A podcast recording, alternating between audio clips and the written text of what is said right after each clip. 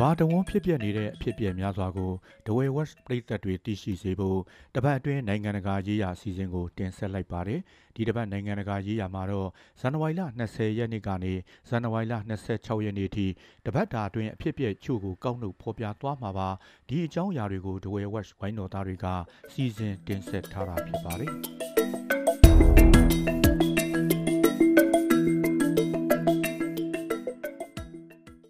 န္ဒိယနိုင်ငံအယုဒ္ဓယမြို့ကသမိုင်းဝင်ဗလီတည်ရှိခဲ့တဲ့နေရာမှာတိဆောက်ထားတဲ့ဟိန္ဒူဘုရားကျောင်းတစ်ကိုအိန္ဒိယဝန်ကြီးချုပ်နာရင်ဒရာမိုဒီကဇန်နဝါရီလ22ရက်နေ့ကဖွင့်လှစ်ပေးခဲ့ပါတယ်။ဟိန္ဒူဘာသာဝင်တွေယုံကြည်ကိုးကွယ်ရာရမဘုရားအတွက်ဆောက်လုပ်ထားတဲ့ဘုရားကျောင်းမှာလာမယ့်ရွေးကောက်ပွဲမှာဟိန္ဒူမဲဆန္ဒရှင်တွေကိုဆွဲဆောင်ဖို့ရည်ရွယ်တဲ့အနေနဲ့ဝန်ကြီးချုပ်မိုဒီကိုယ်တိုင်ဖွင့်လှစ်ခဲ့တာဖြစ်ပါတယ်။ ရိုးရာဝတ်စုံကိုဝတ်ဆင်ထားတဲ့ဝန်ကြီးချုပ်ကိုယ်တိုင်တက်ရောက်တဲ့ဒီဖျားเจ้าဖွယ်ပွဲကိုဟိန္ဒူဘုန်းတော်ကြီးတွေကဥဆောင်ကျင်းပခဲ့ပါတယ်။ဖျားเจ้าတစ်တိဆောက်တဲ့နေရာမှာရခင်က16ရာစုခေတ်ဗလီကို1992ခုနှစ်မှာဟိန္ဒူတွေကဖြိုချခဲ့ရာကနေဘာသာရေးအဓိကရုဏ်းတွေဖြစ်လာခဲ့ပြီးမွတ်စလင်အများစုအပါအဝင်လူ2000လောက်သေဆုံးခဲ့ရပူပါတယ်။ ကွန်ဂိုသမ္မတနိုင်ငံမှာနှစ်ပေါင်း60အတွင်းအဆိုးရွားဆုံးရည်ကြီးခဲ့လို့လူပေါင်း3သိန်းခွဲကျော်လူသားချင်းစာနာမှုအကူအညီတွေလိုအပ်နေပါတယ်။ကြီးရွာတွေကျောင်းတွေကကျန်းမာရေးစောင့်ရှောက်မှုဌာနတွေလည်းရေလွှမ်းတဲ့ဒဏ်ကြောင့်မလဲပတ်နိုင်တော့တာပါ။ဒေသခံတွေလည်းခိုးလုံစရာနေရာမရှိတဲ့အပြင်အခြေခံကျန်းမာရေးဆိုင်ရာကုသမှုတွေလည်းမရဘဲဖြစ်နေကြပါတယ်။ ဒေသခံအများပြားဟာအခုအချိန်ထိလှေတွေနဲ့သွာလာနေကြရတာပါသူတို့အတွက်အရေးပေါ်အကူအညီအနေနဲ့ကုလသမဂ္ဂကဒေါ်လာ3.6တန်းချထားပေးခဲ့ပြီးမြဲလူပေါင်း3သိန်းခွဲကျော်ဒုက္ခရောက်နေလို့နောက်ထပ်လူအပ်နေစေဖြစ်တယ်လို့ဆိုပါတယ်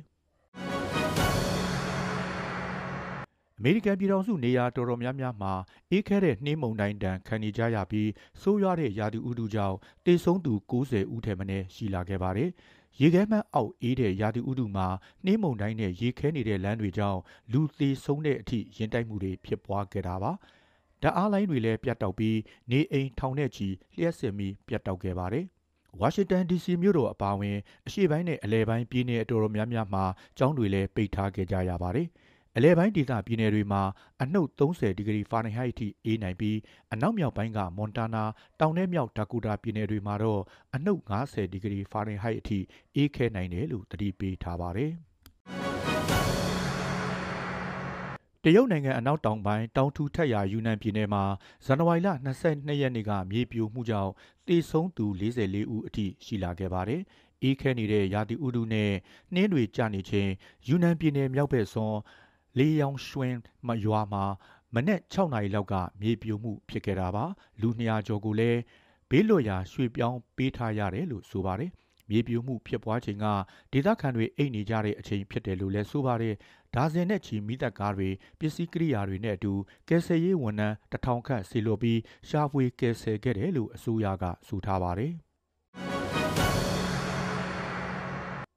ဆွီဒင်နိုင်ငံရဲ့နေတိုးအဖွဲ့ဝင်ရေးလျှောက်ထားချက်ကို တူရကီလွှတ်တော်ကဇန်နဝါရီ23ရက်နေ့မှာအတည်ပြုလိုက်ပါတယ်။ဒီဆုံးဖြတ်ချက်ကိုဆွီဒင်ဝန်ကြီးချုပ်ကနောက်တစ်ဆင့်တက်လှမ်းဖို့ကြိုးဆိုလိုက်ပါတယ်။နေတိုးအဖွဲ့ဝင်ဖြစ်ဖို့အဖွဲ့ဝင်နိုင်ငံတွေအားလုံးရဲ့သဘောတူညီချက်လိုအပ်ပါတယ်။ဆွီဒင်ရဲ့လျှောက်ထားချက်ကိုတူရကီနဲ့ဟန်ဂေရီနိုင်ငံတို့ကသဘောတူညီချက်မပေးသေးတာကြောင့်တစ်နှစ်လောက်ကြာကြာနေခဲ့တာပါ။ ခုအချိန်မှာတော့ဆွီဒင်နိုင်ငံနေတိုးအဖွဲ့ဝင်ဖြစ်ရေးအတွက်သဘောတူညီချက်ပေးဖို့ဟန်ဂရီနိုင်ငံပဲကြံပါတော့တယ်။ဟန်ဂရီနိုင်ငံရဲ့ဒီမိုကရေစီအပေါ်ဆွီဒင်ကဝေဖန်ခဲ့တာကိုအကြောင်းပြပြီးဟန်ဂရီကသဘောတူညီချက်မပေးသေးတာလည်းဖြစ်ပါတယ်။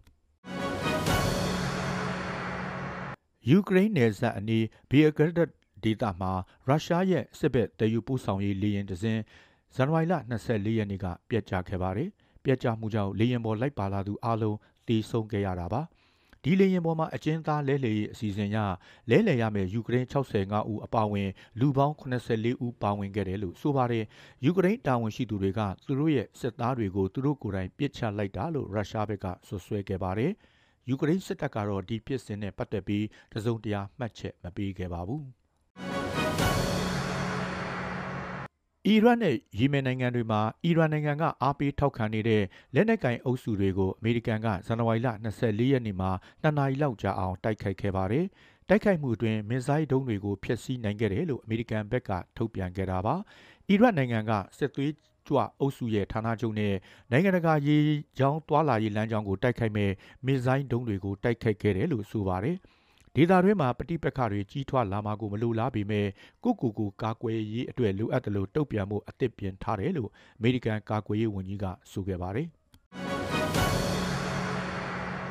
ဂါဇာကန်တောင်ပိုင်းကခန်းယူနစ်မှာပါလက်စတိုင်းဒုက္ခသည်800လောက်နေထိုင်နေတဲ့ကုလသမဂ္ဂလေ့ကျင့်ရေးစင်တာဟာဇန်နဝါရီလ24ရက်နေ့ကပြစ်ခတ်တိုက်ခိုက်ခံခဲ့ရပါတယ်။ ပြစ်ခတ်မှုကြောင့်အ ਨੇ ဆုံးလူ12ဦးသေဆုံးပြီး85ဦးဒဏ်ရာရခဲ့ပါတယ်။ခန်းယူနစ်မြို့ကို